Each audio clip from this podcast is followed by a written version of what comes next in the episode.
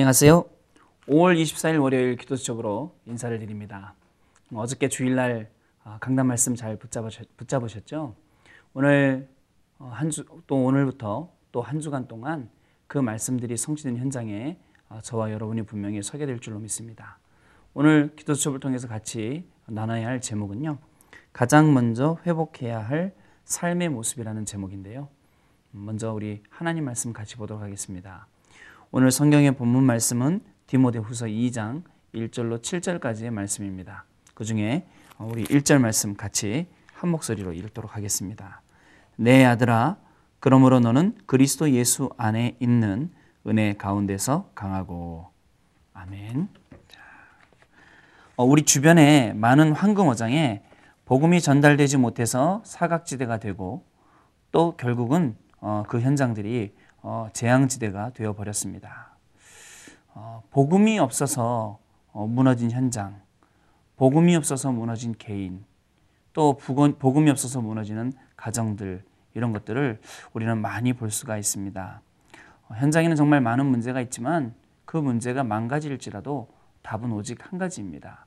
오늘 같이 기도 수첩하면서 또 말씀도 나누고 또 묵상도 하고 또 포럼하면서 또 하루 종일 기도하면서 그 한 가지 답, 그 중요한 예수가 그리스도란 사실, 이 중요한 응답이 하루 종일 임하게 되고 우리가 가는 현장 또 개인뿐만 아니라 모든 가정까지도 이 말씀으로 살게 되는 가장 축복된 하루가 분명히 될 줄로 믿습니다. 어, 우리는 이 현장을 살릴 전도자이며 어, 시대의 주역이 분명합니다. 그렇다면 우리가 가장 먼저 회복해야 할 삶의 모습은 어떤 모습일까요? 바로 복음 엘리트의 삶이라는 것입니다. 지금, 지금이 자신을 복음 엘리트로 다듬는 최고의 기회, 또 마지막 기회, 유일한 기회라고 생각하며 믿음의 용기를 가지고 복음 안에서 도전을 해야 합니다. 그렇습니다. 어, 과거는 이미 지나갔습니다.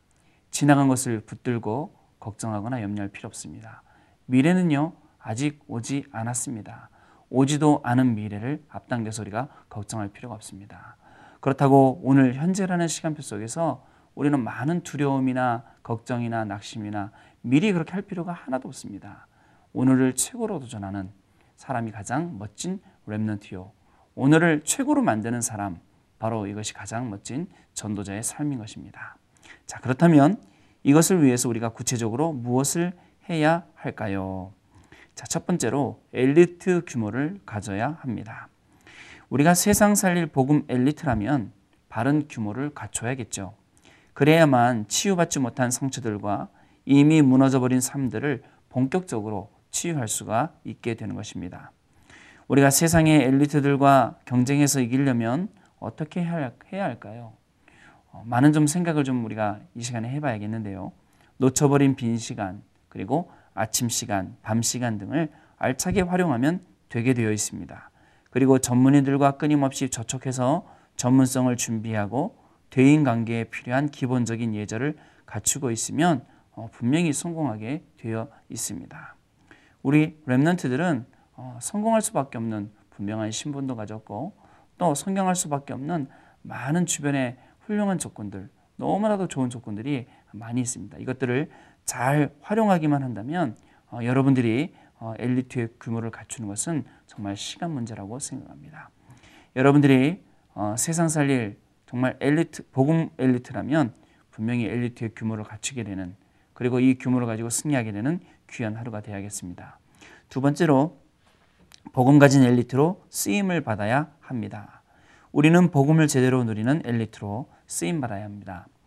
복음 엘리트는 교회와 올바른 관계를 유지하고 그리고 어떤 상황과 환경 속에서도 복음을 최고로 누려야 합니다.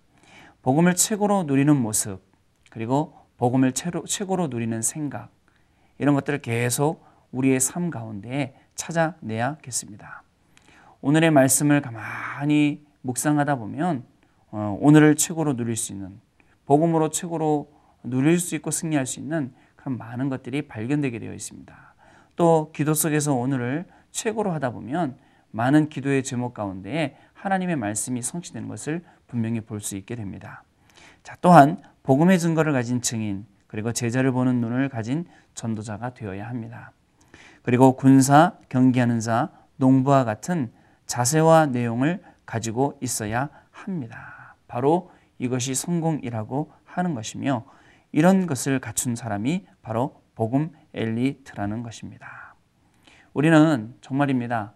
복음을 가지고 제대로 복음을 누리는 엘리트. 정말 세상에 많은 사람들이 필요로 하는 정말 하나님이 필요로 하는 그런 엘리트로 준비되어야겠는데요. 오늘 우리가 조금만 생각을 바꾸고 조금만 우리의 삶을 조금만 바꿨는데 많은 응답이 우리 랩런트들에게 우리 전도자들에게만은 귀한 시간이 되어야겠습니다. 세 번째입니다. 자신의 정체성을 분명히 해야 합니다. 우리는 분명한 자기 정체성을 가지고 있어야 합니다. 자, 교회사의 흐름 속에서도 우리 자신은 언약의 바통을 다음 세대에 전달할 분명히 언약의 랩런트이며 세상을 살릴 전도 제자임을 확신을 해야 합니다. 오늘을 말씀을 가지고 기도를 가지고 최고로 누리고 있다 보면은 이런 것들이 하나씩 하나씩 발견되게 됩니다. 그래서 우리 Remnant들이 절대로 흔들리지 않는 정체성을 갖추고 정말 승리하게 되는데요. 자, 복음이 회복될 때마다 어떤 일이 일어났는지를 아는 사람이 되어야 합니다. 복음이 회복될 때 아, 모든 현장이 살아났습니다. 그 시대가 살아났습니다. 우리 Remnant 한 명이 복음 회복함으로 말미암아 오늘 우리 Remnant의 가정이 살아날 것이고 우리 랩런트의 학교 현장 또 우리 랩런트가 밟는 모든 현장이 분명히 살아나게 될 것입니다. 그리스도의 이름을 밟는 모든 땅에 하나님의 새로운 응답이 분명히 새로운 역사가 분명하게 시작될 줄로 믿습니다. 우리가 하나님과 통하는 자가 되고 현장을 생각할 때마다 가슴이 뜨거워져서 하나님의 말씀을 현장 곳곳에 심는 전도 제자로 쓰임을 받아야 합니다. 머릿속에만 있는 게 아니라 정말 가슴 속에서 예수님의 정말 심정을 가지고 그리고 또 정말 애통한 마음으로 저 현장을 보고 현장을 놓고 기도하며 또 그 기도 속에서 현장을 살리는 사실적인 응답을 받는 그런 귀한 랩런트가 바로 저와 여러분인 줄로 믿는데요. 자, 이것을 늘 상상하고 그리고 비전으로 품고 기도할 때마다 행복을 누리는 자가 되어야 합니다. 말씀을 붙잡고 기도하면서 또 오늘을 최고로 누릴 때에 정말 우리의 미래에 많은 그림들이 그려지게 됩니다.